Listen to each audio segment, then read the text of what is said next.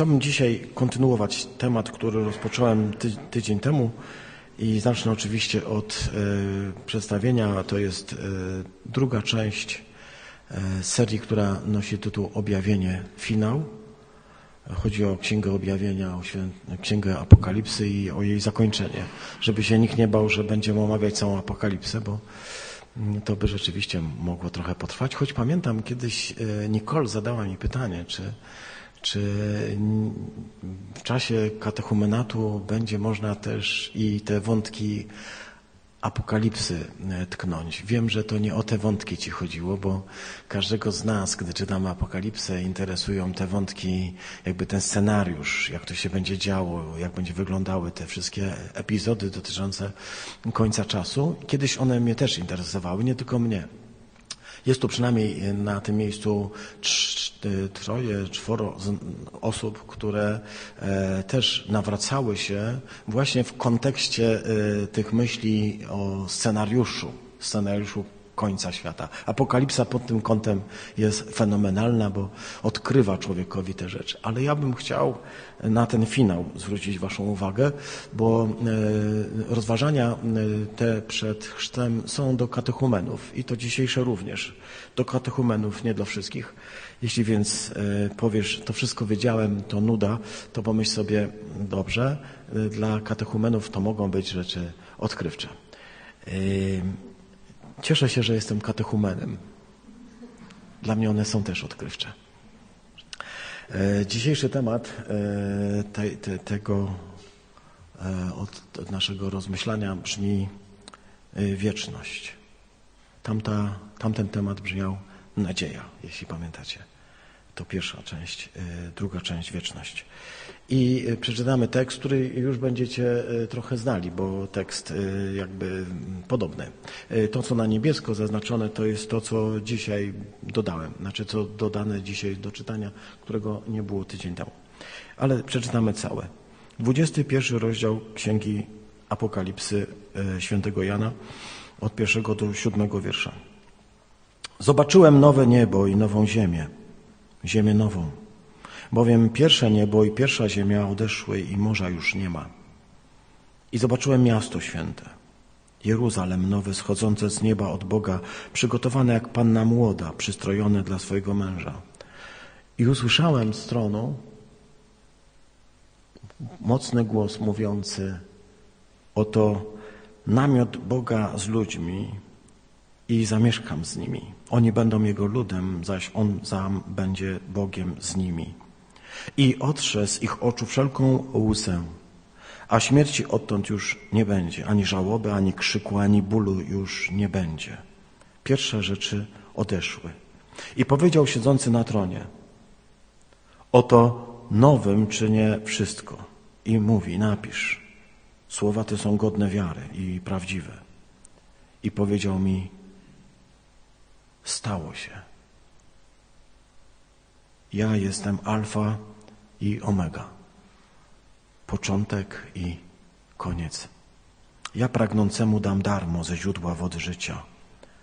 A kto zwycięży, odziedziczy to. Ja będę dla niego Bogiem, a on będzie dla mnie synem. Amen. Dziękuję Ci, Ojcze Wszechmogący, za Twoje święte słowo, które dzisiaj także kierujesz do naszych serc, byśmy nie musieli wędrować w mroku świata, ale byśmy mogli dzisiaj mieć nadzieję życia. Dziękuję Ci za to, że ta księga daje nam nadzieję. Dziękuję Ci za to, że ona prowadzi nas e, na brzeg wieczności, byśmy się nie musieli lękać, byśmy mogli iść śmiało.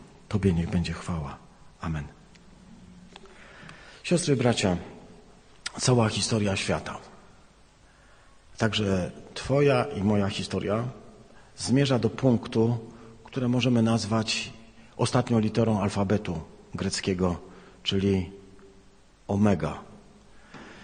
E, był taki punkt w naszym życiu, e, który rozpoczął, ale w tym punkcie alfa zawiera się także punkt omega, to znaczy wszystko, co rozpoczyna się tutaj na Ziemi, ma swój kres. I wszyscy do tego kresu do tej ostateczności zmierzamy. Zmierzamy do tego, co jest nieznane, co e, jest zakryte taką kotarą szczelną, co jest zasłoną, zasłonięte. Możemy się tego punktu obawiać i naturalnie się obawiamy. Niektórzy z nas, e,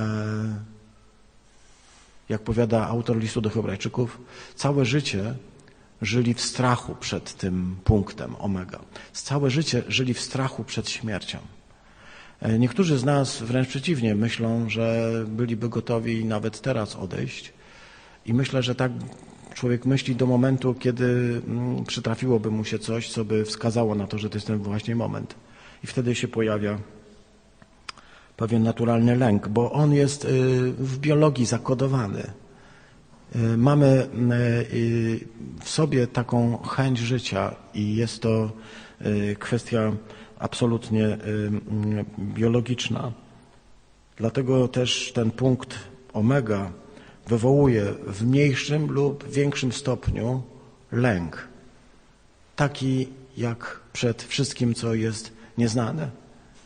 Mamy wyruszyć w podróż i może nie do końca wiemy, jak będzie wyglądać ta podróż. Mamy wyruszyć w świat, który jest dla nas zupełnie obcy. Nie bardzo wiemy, o co chodzi w, z tym światem. I może być tak nieraz, że ten lęk y, zdominuje. Czy może być tak, siostry bracia, że on także pojawia się w życiu tych, którzy są y, ludźmi y, wierzącymi? Ja się cieszę, że kiwacie głowami, że tak. E, byłbym trochę, e, jakby, czułbym się osamotniony, gdyby mi tylko ten lęk miał towarzyszyć. Tak, e, ponieważ chodzimy w wierze, a wiara ma to do siebie, że pozostaje wiarą, zakłada zaufanie, ale nie znaczy, że nie towarzyszy mi jakiś lęk. Chcę powiedzieć, że e, gdybyś myślał, że to jest bardzo nieduchowe, co mówię teraz, e, może e, nie zgadzasz się nawet z tym. Tutaj w kaplicy widzę, że zdecydowana większość na pewno się zgadza, ale internauci mogą nie zawsze podzielać, mogą nawet powiedzieć, że on się nie boi. Chcę powiedzieć, że najważniejsza dla mnie osoba na świecie, mój Pan, Jezus Chrystus, gdy był e, przeddzień swojej męki, e, to czytamy, że ogarnięty był e, ciężkim lękiem. Jego serce było dotknięte wielkim bólem. I wiemy, że pot, którym się pocił, był krwawy i to ma związek z lękiem.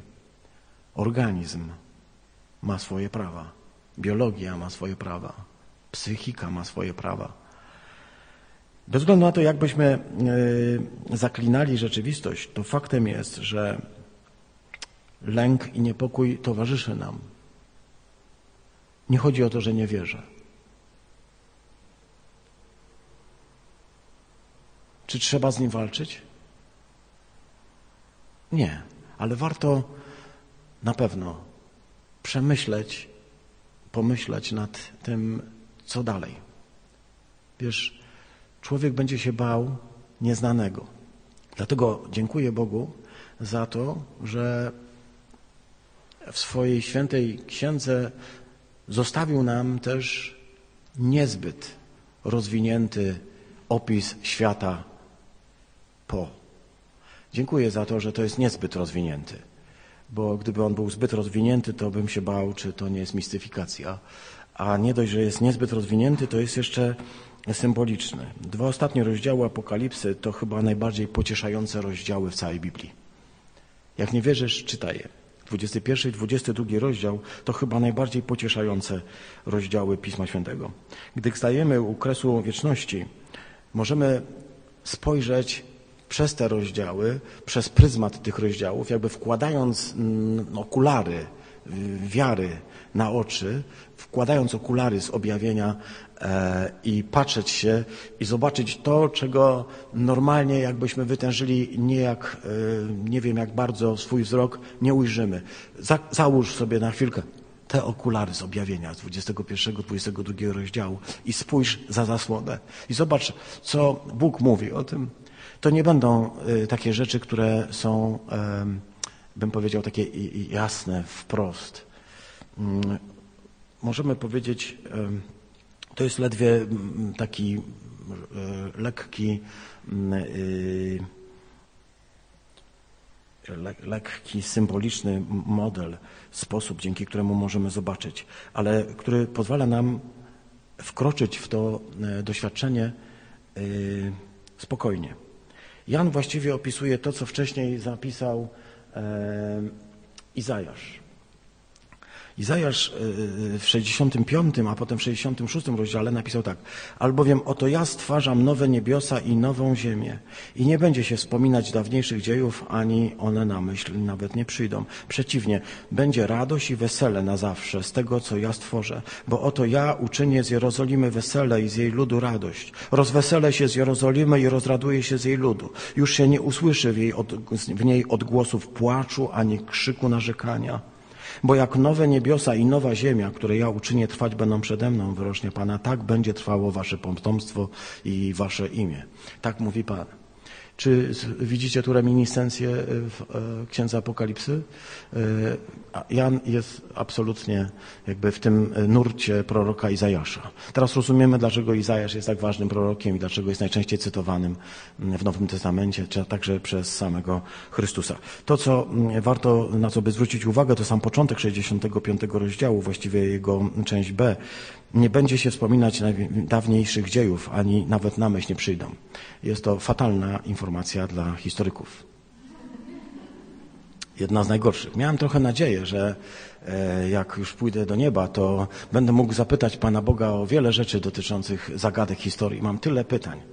Mam tyle pytań nieskończoną ilość pytań dotyczących starożytności dotyczących zupełnie współczesnych rzeczy, dotyczących tego, co się wydarzyło, dotyczących różnych ludzi. Mam ciągle nieskończoną ilość pytań. Myślę, że e, niektórzy z nas też mają te pytania. Nie musi być historykiem, żeby je mieć, ale może historyk ma e, z, z założenia, może to tylko taka myląca rzecz. Tymczasem Izajasz mówi, nie będzie się wspominać dawniejszych dziejów, nawet na myśl nie przyjdą.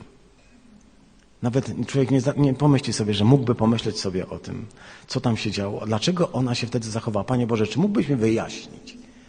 Dlaczego on się tak zachował? Dlaczego ona taka była? Czy mógłbyś mi wyjaśnić, dlaczego to wszystko się wydarzyło? Nagle jednego dnia po prostu przestanie cię to obchodzić, rozumiesz? Kompletnie nie będzie cię to interesować. Będziesz tak bardzo zajęty tym, że wiesz, to trochę przypomina dziecko, które jeszcze przed chwilką płakało, ale rodzic dał mu jakąś e, śliczną rzecz, zabawkę, coś cudownego, wziął go za rękę, pokazał mu coś i wiesz, cały jego ból, e, zdarte kolana i wszystko co było w ogóle minęło, już w ogóle do tego nie wraca, widzi coś zupełnie nowego, nawet nie myśli, a myśli, że rodzic będzie chciał mówić, słuchaj, ale cię musiało boleć. Ale ty, i, i, dlaczego nie płaczesz? Ja bym na twoim miejscu jeszcze popłakał, to strasznie jest. Tylko raczej powiesz co, jako rodzic? Powiesz, słuchaj, fantastyczne, zobacz co. Nie patrz tam, a tam zdarte kolana, wesela się zagoi, ty się nic nie masz, w ogóle cię nie obchodzi, ty zobacz co tam jest przed tobą. E, brali was na to wasi rodzice? Bywało? Bywało. Bywało, tak. Chcę wam powiedzieć, Bóg chce zrobić z nami to samo. Co tylko dowodzi, że jesteśmy dziećmi, a On dobrym ojcem. Mówi, zupełnie cię nie będzie to, kompletnie nie będzie cię to obchodzić. I to jest fantastyczne, tak? My nieraz myślimy, że nasza mm, pamięć e, jest, e, i to pewnie tak jest, jest naszym koszmarem. Ile rzeczy fatalnych dzieje się w naszym życiu właśnie przez pamięć. Pamiętamy krzywdy, które nam wyrządzono, pamiętamy dramaty, przychodzą różne traumy, powracają lęki, fobie, pojawiają się myśli, że znowu się coś wydarzy, znowu się nie uda, bo pamiętam, że się wydarzyło, pamiętam, że się nie udało. Nowa rzeczywistość, którą Bóg nam prezentuje, polega właśnie na tym, że przestaje cię kompletnie interesować to, co było. I w tym sensie to jest fantastyczne i również jako historyk chcę powiedzieć, to jest absolutnie cudowne. Y, w tym duchu y, pisze Izajasz i w tym duchu także Jan w swojej apokalipsie. Ale nie tylko Jan przedstawia nam e, takie fantastyczne rzeczy, bo o tym, jak będzie wyglądać e, rzeczywistość po naszym życiu, w punkcie omega, gdy zakończą się te dzieje, o których tu mówimy, przepięknie napisał apostoł Paweł. W pierwszym do Koryntian, w 15 rozdziale, tam pamiętacie, to jest ten rozdział, w którym on mówi o wielkiej e, nadziei zmartwychwstania, o zmartwychwstaniu Chrystusa i o Twoim zmartwychwstaniu, o udziale w, w tym zmartwychwstaniu. Chcę powiedzieć, dlaczego to, to jest do katechumenów. Do katechumenów to jest dlatego, że katechumen wchodzący do wody e, jest osobą, która e, wkracza w doświadczenie śmierci Chrystusa, ale wynurzający się z wody i wychodzący z wody jest człowiekiem doświadczającym zmartwychwstania z Chrystusem. Nie tylko z Nim umarliśmy, ale w tej nadziei także zmartwychwstajemy. Nie tylko zostajemy w Nim pochowani, pogrzebani i zanurzeni, jak w grobie, ale także z tego grobu, jak On, powstajemy z martwych. To jest symbolika zanurzenia i wynurzenia. To jest symbolika złożenia do grobu i powstania z martwych. Jak Chrystus trzeciego dnia powstał z martwych, tak i Ty powstajesz z martwych, wychodząc z tej wody jako nowe stworzenie. Paweł w pierwszym liście do Koryntian, przedstawiając tę perspektywę zmartwychwstania, Twojego, mojego, Chrystusowego zmartwychwstania, pisze tak. Gdy to wszystko się skończy, potem wreszcie nastąpi koniec. On to wszystko przedstawia szeroko. Możesz rozumieć. To jest to, co Jan. On opisał to e, w 19 rozdziałach, a Paweł w jednym rozdziale zamknął, powiedział, po tych wszystkich dramatycznych wydarzeniach i po tych wszystkich doświadczeniach, jakie przyjdą na świat, po tym wszystkim wreszcie, wreszcie nastąpi koniec, gdy Chrystus przekaże królowanie Bogu Ojcu i gdy pokona wszelką zwierzchność, władzę i moc tu generalnie nawet mi się podoba dosłowne tłumaczenie. Nie, nie tyle e, pokona wszelką zwierzchność, tak jak tu jest napisane, wszelką władzę i wszelką moc, ale kiedy ta wszelka zwierzchność, wszelka władza i wszelka moc zostaną uznane już za bezużyteczne. To jest, na tym polega to pokonanie, że Chrystus wskaże na jej, na, na bezużyteczność tej wszelkiej zwierzchności, tego obcego panowania. Dzisiaj w czasie uwielbiania miałem takie wrażenie, może e, odczuliście moje wrażenie, e, bo, bo prowadząc uwielbianie myślę, że człowiek jest e, narażony na to, że go słychać. Czy chcesz, czy nie chcesz, jesteś słyszalny. Chciałem, podkreślałem to, zwracałem na to uwagę, że mm, to panowanie E, w Twoim życiu może być e, w różnych rękach. Nieraz może być tak, że to Ty panujesz nad swoim życiem. Czy to dobrze? No wydaje się, że doskonale, ale ostatecznie fatalnie. Nieraz wydaje się, że to obcy panują. Nieraz wydaje się, że to bank panuje nad Twoim życiem. Nieraz może to być jakaśkolwiek inna y, osoba, sytuacja. Mogą to być jakieś problemy, które panują nad Twoim życiem. To one mogą powodować zamieszanie, zamęt, powodować różne stany, w których są. Przychodzisz na nabożeństwo, jesteś w kościele, ale myślami jesteś w różnych sytuacjach. W różnych sytuacjach w domu, w różnych sytuacjach w pracy, w różnych sytuacjach w swoim, w swoim wnętrzu, w różnych sytuacjach. Znajdujesz się w bardzo różnych sytuacjach i y, Pan Bóg Bóg, co by nie mówić o nim, niestety nie, nie jest przedmiotem Twojego zainteresowania, choć możesz mówić, jest Twoim Panem Bogiem, ale Ty skupiony jesteś, skupiona jesteś na tym, co, co teraz akurat dominuje w Twoim życiu, co nad Tobą w tym momencie panuje. Chcę powiedzieć, że ten czas, o którym mówimy, to jest czas końca tych wszystkich panowań. Te wszystkie panowania, te wszystkie zwierzchności, te wszystkie moce, te wszystkie władze, które nad Tobą do tej pory sprawowały siłę i to one wszystkie ustają. Dla mnie to jest taka wiadomość, e, mianowicie e, ja nad sobą w zakładzie pracy, w którym mam kierownika, ale mam też e, dwóch zastępców dyrektorów i jednego dyrektora. Ale oprócz tego mam jeszcze dziekanów i dwóch dziekanów, takich zastępców prodziekanów. I oprócz tego mam kilku zastępców rektora i jeszcze rektora.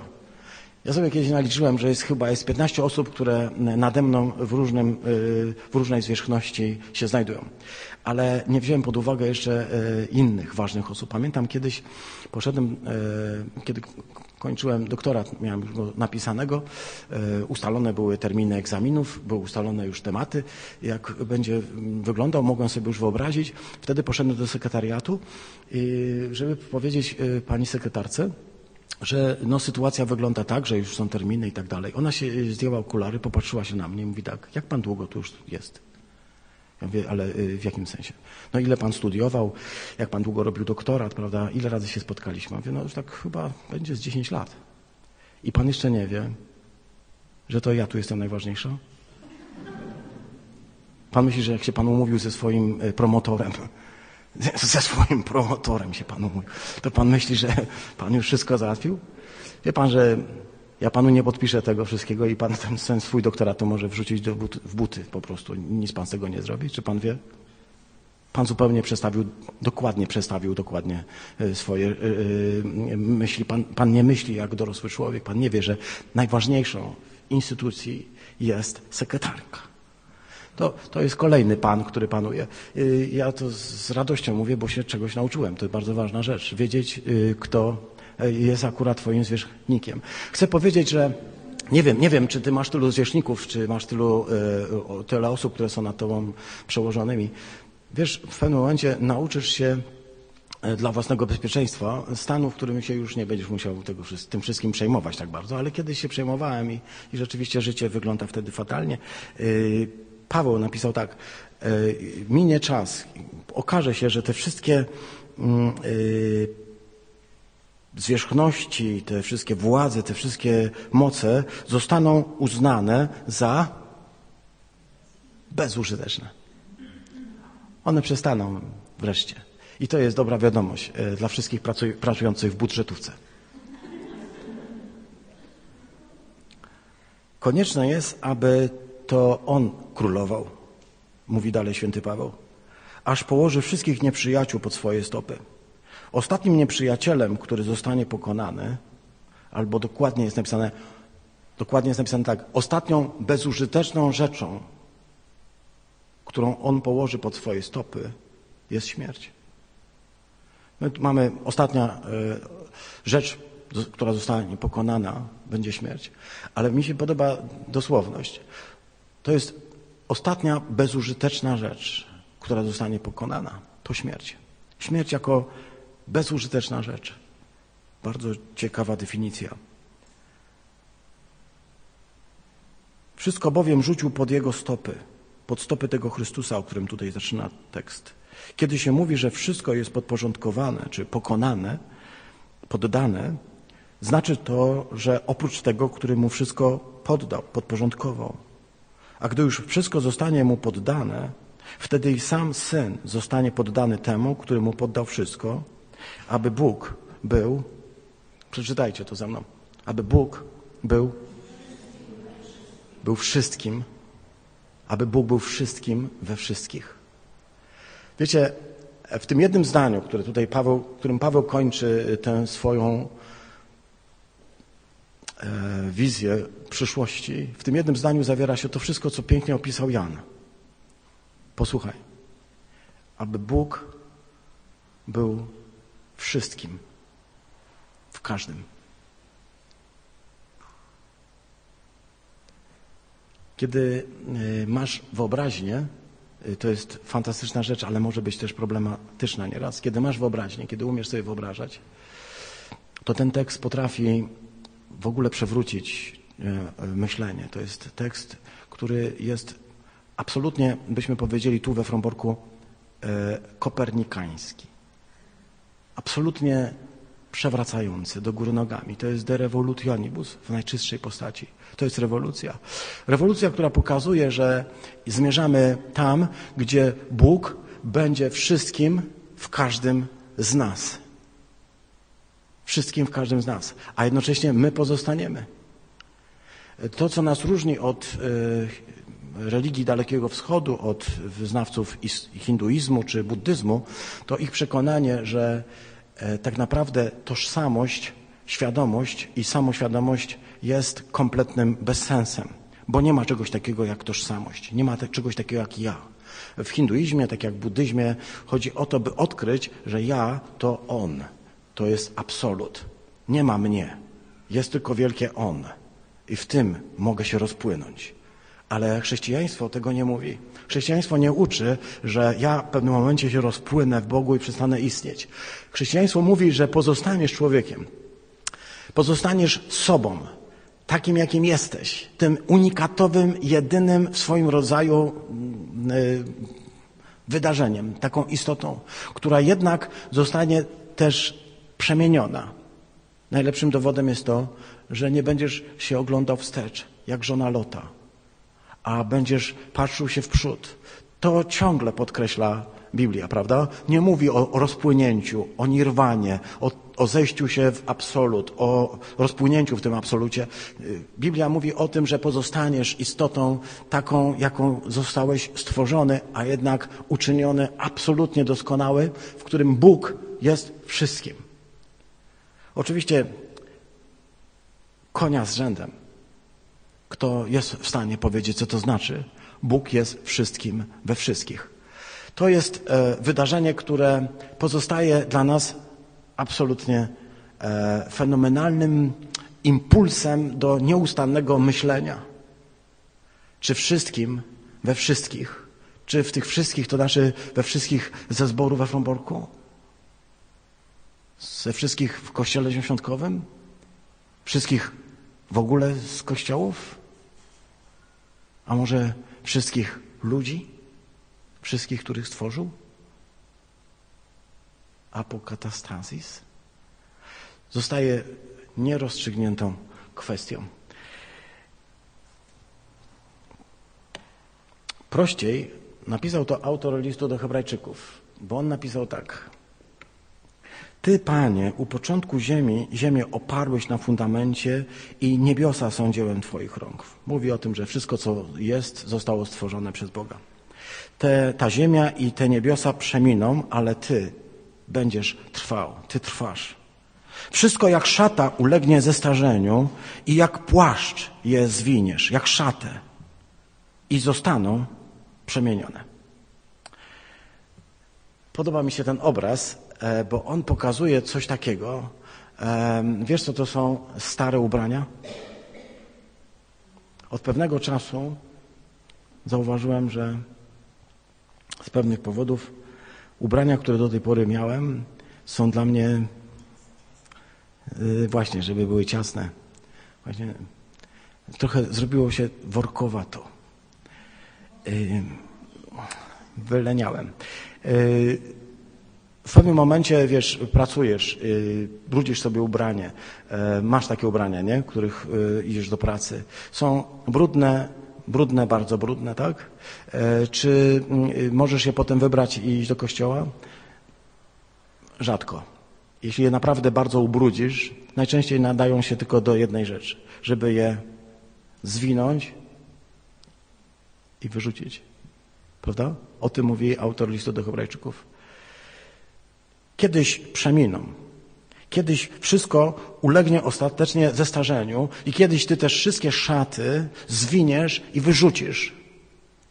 I uczynisz zupełnie nowe. Uczynisz nowe szaty. I to jest też taka myśl, która by się absolutnie zgadzała z tym, co czytaliśmy dzisiaj. Ale jeśli pozwolicie, to powiem tak.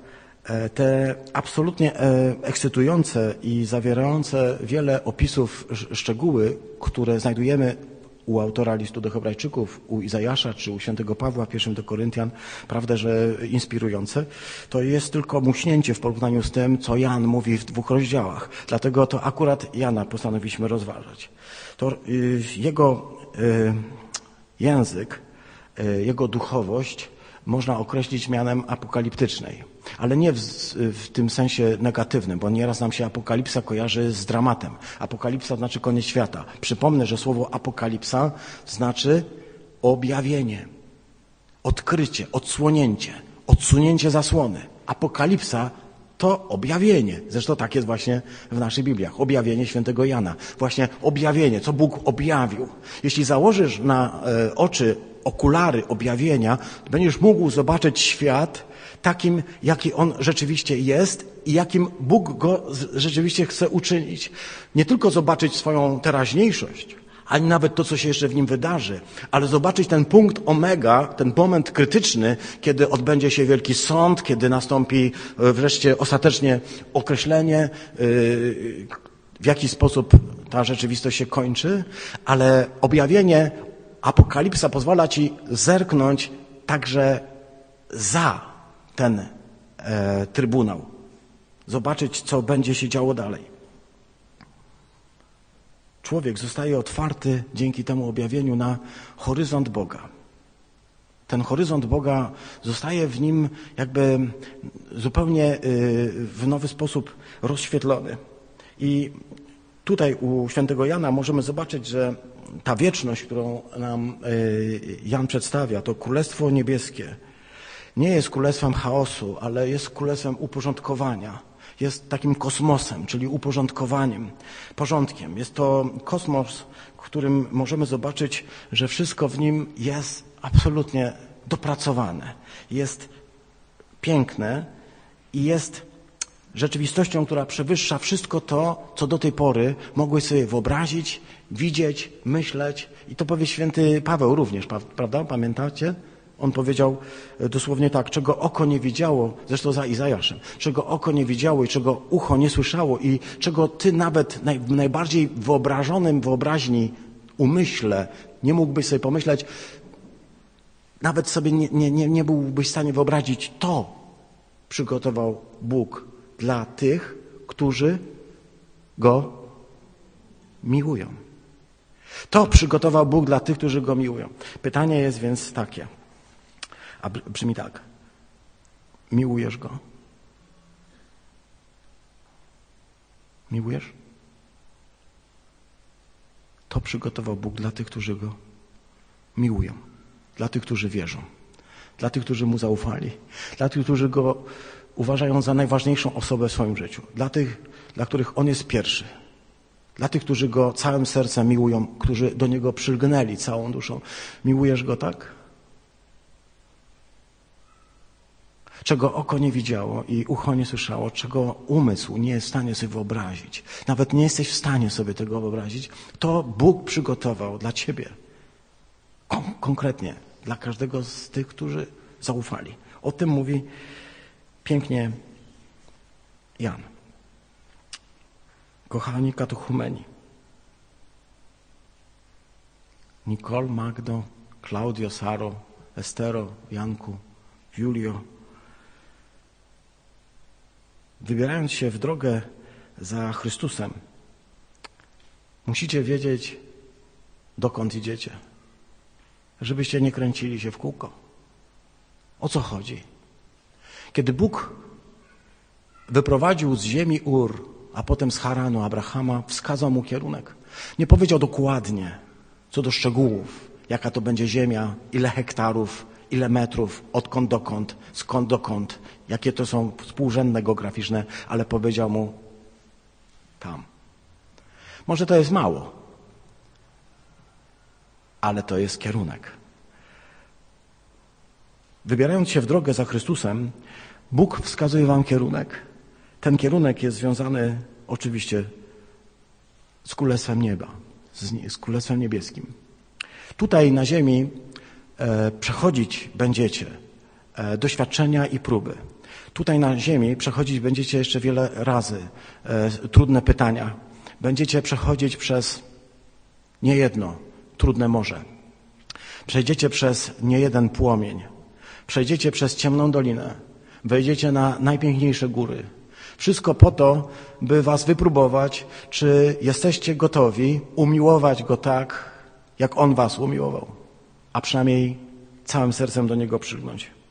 Gdy będziecie wchodzić do rzeki, zostawicie na brzegu różne rzeczy. Swoje ubrania, swoich rodziców, wasze stare życie. Wejdziecie tacy, jacy jesteście. By tam w wodzie doświadczyć tego, co to znaczy narodzić się na nowo. Gdy grzechy i przekleństwa zostają ostatecznie zatopione w tej nieskończonej Bożej miłości. Tam jest wasza omega i tam jest wasza alfa. Tam. Ktoś powiedział, że sposób, w jakim żyjesz, jest zależny od tego, co myślisz o swojej przyszłości, a konkretnie w co wierzysz. Sposób, w jakim żyjesz, zależy od tego, w co wierzysz. Myślisz, że wiara ma wpływ na to, jak postępujesz i co myślisz? A w co wierzysz? Czy wierzysz w to, że istniejesz, póki tutaj masz otwarte oczy, póki możesz kontrolować, panujesz, póki możesz rozkazywać, a gdy zamkniesz oczy, przestajesz istnieć? Wierzysz w to? Nie. Chrześcijanin wierzy w to, że gdy tu zamknie oczy, to otworzy je tam. Tam to się dopiero będzie działo. To zasiadający na tronie powiedział, oto nowym czynię wszystko. Czy możesz zobaczyć, co to znaczy nowym czynię wszystko? Co to znaczy nowe niebiosa i nowa ziemia? Otóż żyjemy w świecie, który nam ktoś urządził. Podoba się Wam świat, w którym żyjecie? No. Ten biologiczny, geograficzny, ten piękny, e, który nas otacza w postaci łąk, rzek, drzew, kwiatów, jest piękny. Ale ten, który my urządziliśmy, w którym panuje pieniądz, w którym panuje nienawiść, w którym panuje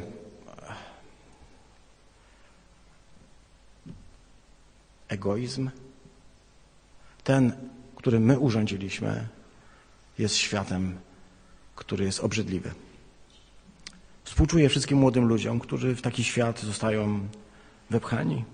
Żyjemy w świecie, który jest budowany z układów, w którym garsteczka ludzi posiada dobra większości świata, w którym wielu ludzi e, nie może wyobrazić sobie przyszłości jutrza, jutrzejszego dnia, bo nie wiedzą, czy będą mieli za co żyć.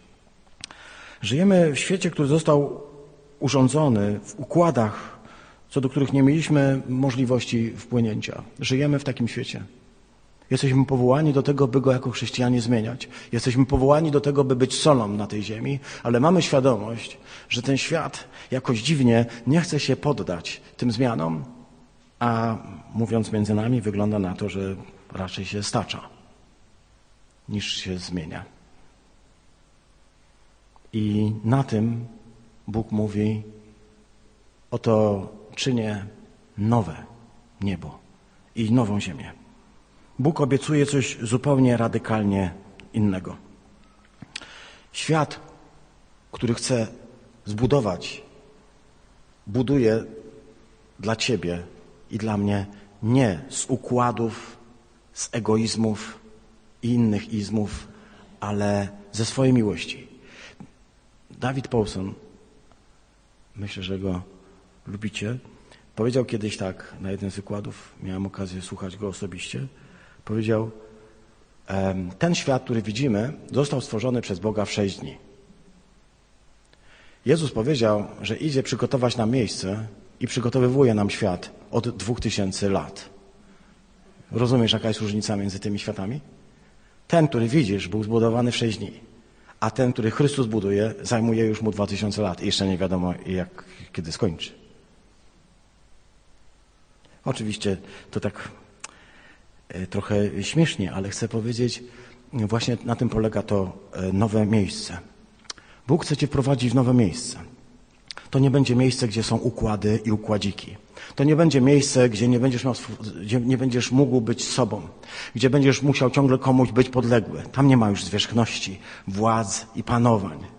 Tam wreszcie każdy może być sobą i każdy będzie na swoim miejscu, bo będzie dla niego stworzone dokładnie takie, jak Bóg wie i wie o tobie, czego potrzebujesz, i dla ciebie ten świat będzie tworzony. O tym mówi to słowo.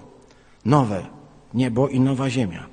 A na tym kamyku imię każdy własną tożsamość. Pamiętacie? Mówił nam brat Fabian. Jak sobie wyobrażamy ten świat? Oczywiście wyobraźnia niektórych sięga zaledwie do harfy, cytry i ewentualnie chmur i wędrujących po świecie aniołów tam gdzieś z chmurami. Podoba wam się takie niebo? Ja się nie dziwię, że ludzie nie chcą iść. Ale te wszystkie stare ubrania pójdą na spalenie. Wszystko dostaniesz na nowo. Wszystko nowe. Czy to jest e, dobra wiadomość? Myślę, że tak.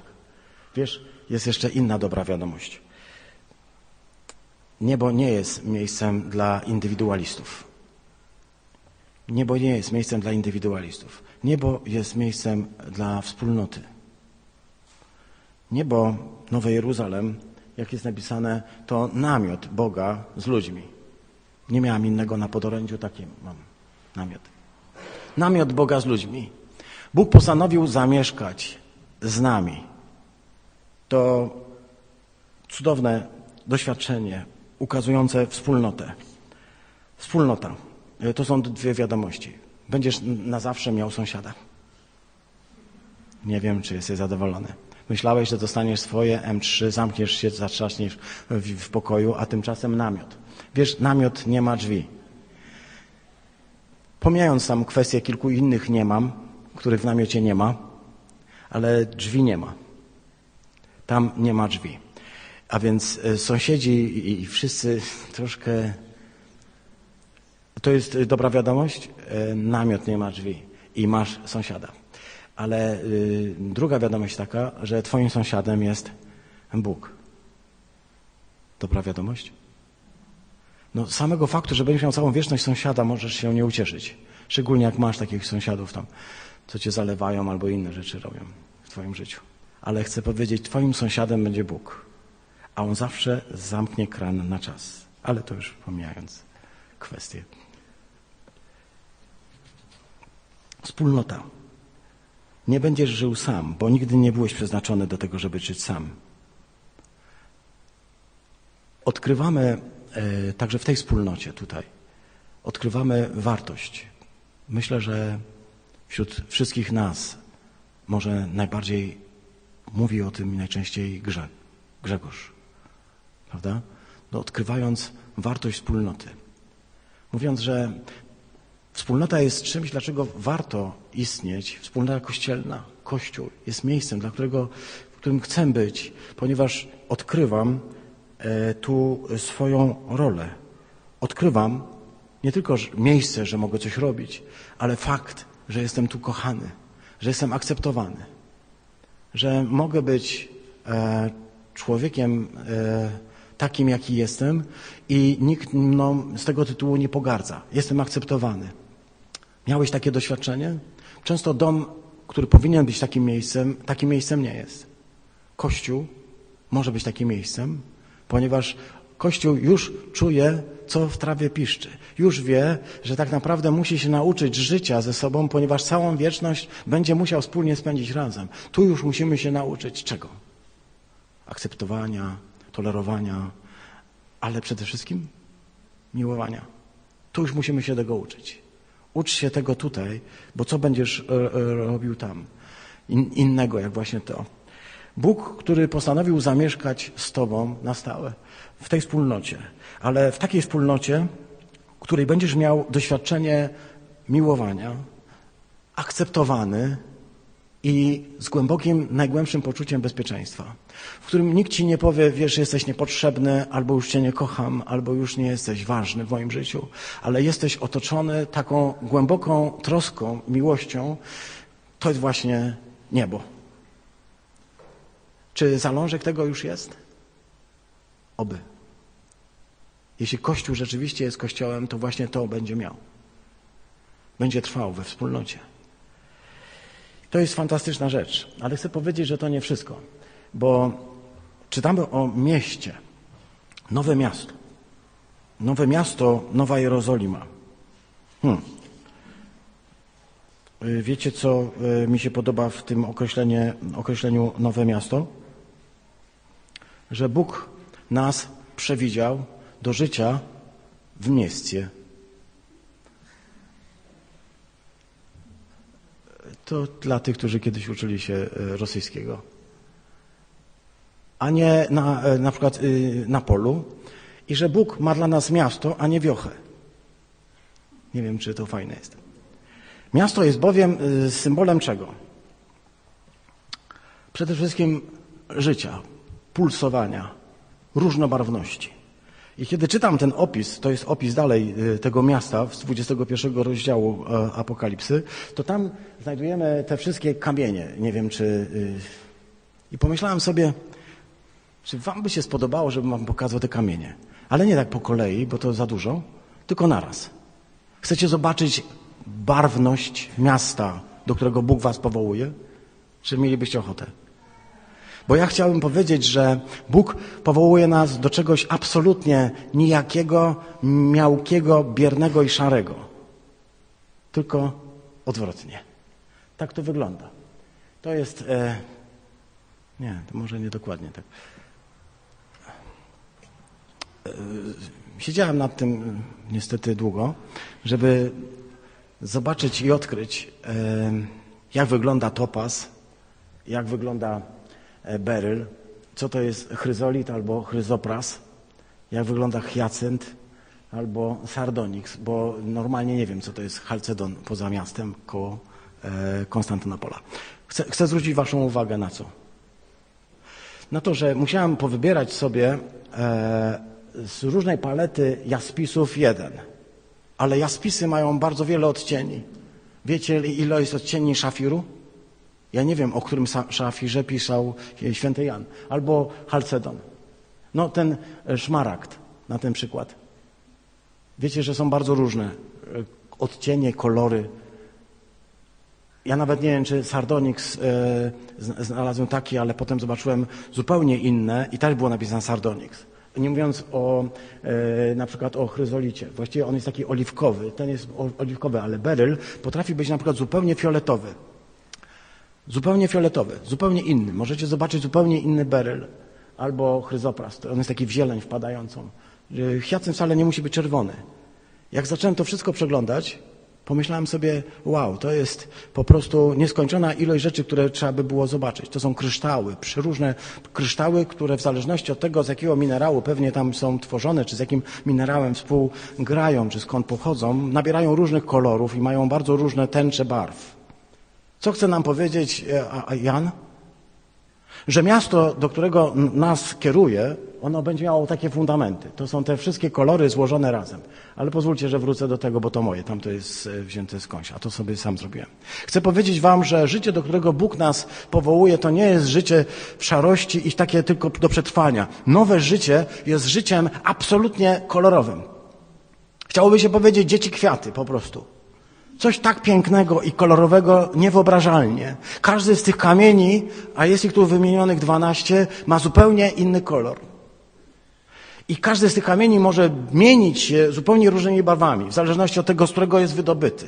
Jest nieskończona paleta tych kolorów przy każdym z tych kamieni, a jest ich dwanaście tu wymienionych. I ja myślę, że to jest znowu symbol czegoś, co oznacza jakąś pełnię, tego, że tych kamieni jest nieskończona ilość, tych barw tego miasta. To nie jest miasto szare, to nie jest perolowskie blokowisko.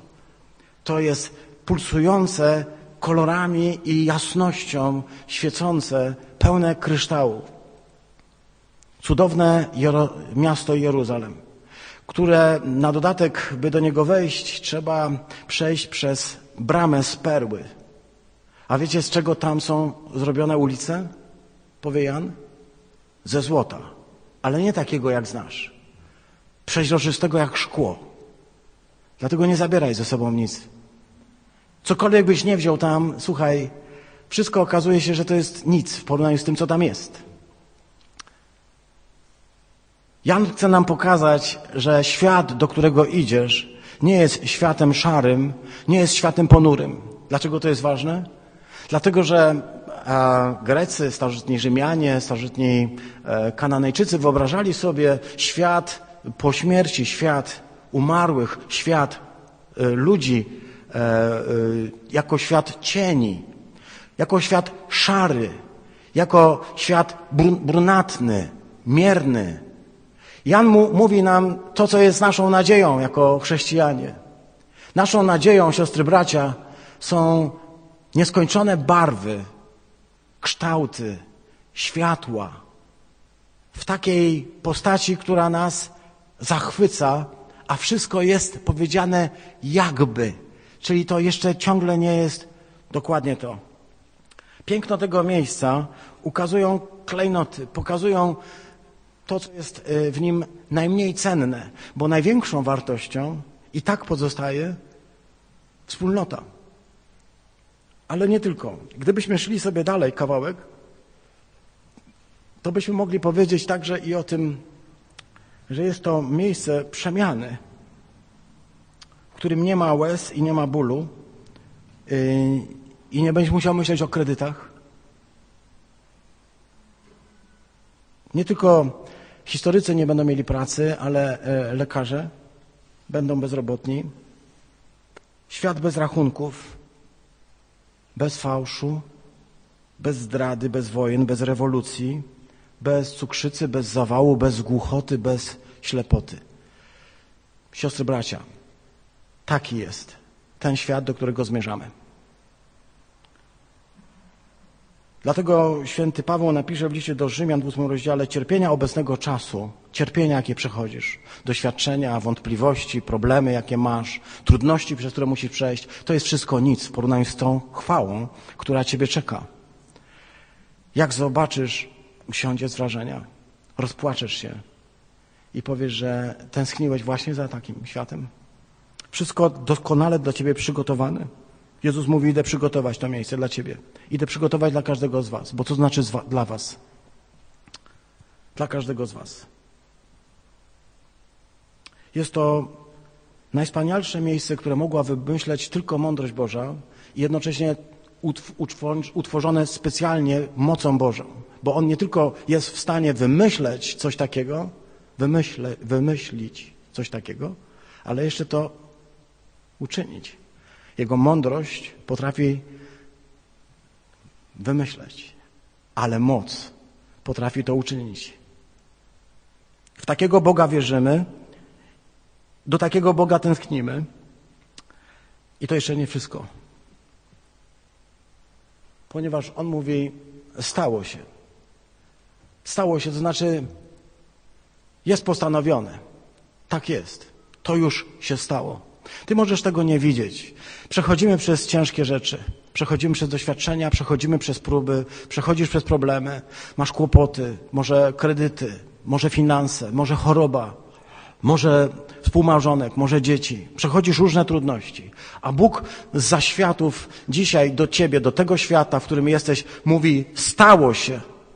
To wszystko się stało już. Rozumiesz? To nie jest mrzonka, przyszłość. To wszystko już jest doświadczeniem. I ja chcę powiedzieć, siostry bracia, że to nie jest tylko to, co ja teraz chcę, jakby chciałbym wam przekazać jako dobrą nowinę. Chcę powiedzieć tak, my możemy tego już teraz doświadczyć, albo to jest wszystko fałszem, co mówię. Albo już tego doświadczasz, albo wszystko to, co ja mówię, możesz sobie wpisać między bajki. Ale jeśli już tego doświadczasz, to możesz powiedzieć, rzeczywiście stało się. To się stało. Ja tego doświadczyłem. Doświadczyłem tej kolorowości, tej, tego, tego kolorytu, tych klejnotów, które Bóg mi ofiarowuje, tego miasta, które mnie Bóg ustanawia, tego, czym naprawdę jest złoto. Ono jest właśnie po to złotem, by nie musiało śniedzieć, tak? I do tego jest, by po tym chodzić, deptać, a nie by uczynić z tego Boga i sprawić, żeby temu służyć. Ono jest do tego, by tylko nam służyć, a nie żebyśmy my Jemu służyli. To wszystko już się stało. Oto mówi ten, który siedzi na tronie, stało się. I mówi, ja jestem alfa i omega. I to jest cudowne. To jest to, co mówi nam Bóg dzisiaj do naszego serca. On jest początkiem. On, do katechumenów mówię, On rozpoczyna Twoje życie. Ale chcę Ci powiedzieć, On ma też ostatnie słowo w Twoim życiu. Chcę Ci powiedzieć tak, ostatniego słowa nie mają nawet Twoi rodzice. Ostatniego słowa nie ma nawet Twoja żona. Ostatnie słowo nie należy też do śmierci. Tak się wydawało ludziom, którzy żyli w czasach Chrystusa. Myśleli, że ukrzyżowali go i mają z głowy tego dziwaka z Nazaretu, który mówi i opowiada ludziom różne dziwne rzeczy. Tego, który nie wiadomo po co wskrzesza umarłych albo niszczy dotychczasowe fajne układy, które mamy w świątyni, który pozwala sobie na przywoływanie proroków, żeby nam burzyć nasze wyobrażenia o naszym uporządkowanym świecie. Mamy go wreszcie z głowy. Wydawało się, że tak właśnie wygląda, ale on trzeciego dnia powstał z martwych i żyje. Ponieważ śmierć nie ma ostatniego słowa, to on ma ostatnie słowo. Śmierć jako nie przynosząca żadnego pożytku, ostatecznie będzie zniszczona. Jeszcze tego nie widzę. Ta walka jeszcze trwa. Wiem to. To wszystko będzie poddane pod Jego stopy. On to już jest poddawane pod Jego stopy. Ja jestem poddawany pod Jego stopy. Moje zwierzchności są poddawane pod Jego stopy. I wiem, że pewnego dnia Bóg będzie wszystkim we wszystkich. To jest dobra nowina.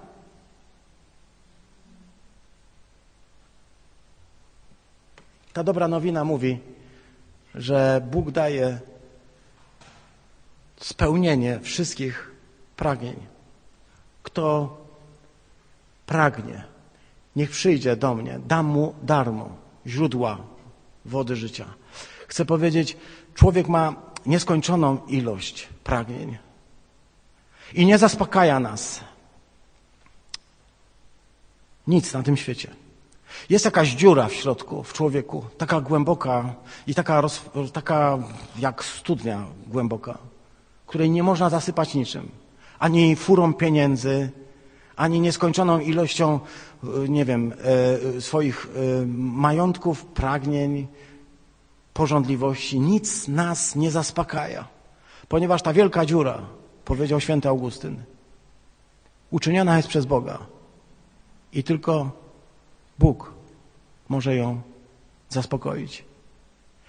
Ja chcę mówić o tym, że Bóg i Jego królowanie, Królestwo Niebios i nasza nadzieja to jest właśnie moment, w którym On wszystkie te moje pragnienia, te najgłębsze, najskrytsze, najważniejsze, On wszystkie je wreszcie zaspokoi. Jakie są Twoje najgłębsze pragnienia? Bóg je chce wszystkie zaspokoić. Zaspokoi je w zaskakujący sposób. Może się okaże, okaże, że zupełnie inaczej niż byś tego oczekiwał, niż byś się tego spodziewał, ale On je wszystkie zaspokoi. To jest Ewangelia, którą głosimy. Że Bóg darmo, sam z siebie uczyni, że to, czego Twoje serce tak bardzo pragnęło, a czego nie mogły zaspokajać żadne rzeczy tego świata, żadne idee, żadne pomysły, żadne e, sprawy tego świata, że Bóg jest tym, który zaspokoi. Darmo zaspokoje. Kto pragnie, niech przyjdzie. Stało się. To się dzieje. I na koniec może jeszcze to, co rzeczywiście ten temat e, tutaj siódmy wiersz kończy. On mówi, kto zwycięży, odziedziczy to. Tak to tłumaczę jeśli pozwolicie, brzmi to tak. Ja będę dla niego Bogiem, a on będzie dla mnie synem. To odziedziczę. Chcę to podkreślić. W naszym przykładzie jest napisane, kto zwycięży, to odziedziczy, a ja będę dla niego Bogiem. Nie. Ja chcę powiedzieć tak, jak można ten tekst przetłumaczyć. Kto zwycięży, czyli kto się nie podda, kto się nie wycofa, kto nie stchórzy, kto y, nie y, popadnie w chaos i nie odwróci się, kto nie powie, bardziej szukam własnego szczęścia niż czegokolwiek innego, kto się nie cofnie, ale będzie szedł uparcie i mówił, Panie, mogę nie rozumieć, co się dzieje, mogę nie wiedzieć, dlaczego mnie to spotyka, mogę kompletnie nie, nie pojmować, ale idę za Tobą. Kto się nie cofnie i ten zwycięży. A kto zwycięży, odziedziczy to. Co odziedziczy? Bóg mówi, będę dla Niego Bogiem, Ojcem, a On będzie dla mnie Synem. Ta najgłębsza tęsknota, byśmy mogli znowu doświadczyć tego bycia dzieckiem Boga. Do tego zostaliśmy stworzeni. Tak się działo w raju. Tam straciliśmy zaufanie i za tym nieustannie tęsknimy. Doświadczamy tego już teraz. Tego ojcowskiego serca Boga? Doświadczasz tej Jego miłości? Doświadczasz tego, że jest Twoim Ojcem? Ciągle się boisz? Popadasz w różne stany? Ciągle myślisz, może przestał się mną interesować, bo mnie nie wysłuchuje, bo nie mam tego, co potrzebuję, bo znowu czegoś się nie, nie dzieje, bo znowu jestem w chaosie, ale ja chcę powiedzieć i właśnie to się dzieje. Dzisiaj chcę Ci powiedzieć, to jest największe zwycięstwo, jakie możesz odziedziczyć, do czego Bóg Cię powołuje, abyś mógł być wreszcie Jego synem. Nie ma większej nagrody dla zwycięzcy. To jest to, co Bóg nam pokazuje w objawieniu. Jeśli założysz okulary objawienia, będziesz mógł zobaczyć, że za tymi symbolami, które tu widzimy, jest czysta, doskonała wspólnota. Nowa, piękna, gotowa, która jest w stanie wejść w komunię z Bogiem. Chciałbym Cię zaprosić do tego i chciałbym rozpalić w Tobie i w sobie tę tęsknotę i to pragnienie za królowaniem, za królestwem niebios, za wiecznością. Jej przedsmak już mamy. Ale chciałbym, abyśmy nie lękali się, kiedy przychodzi czas próby, byśmy mogli rzeczywiście zobaczyć ten przepiękny, cudowny świat, pełen kolorów.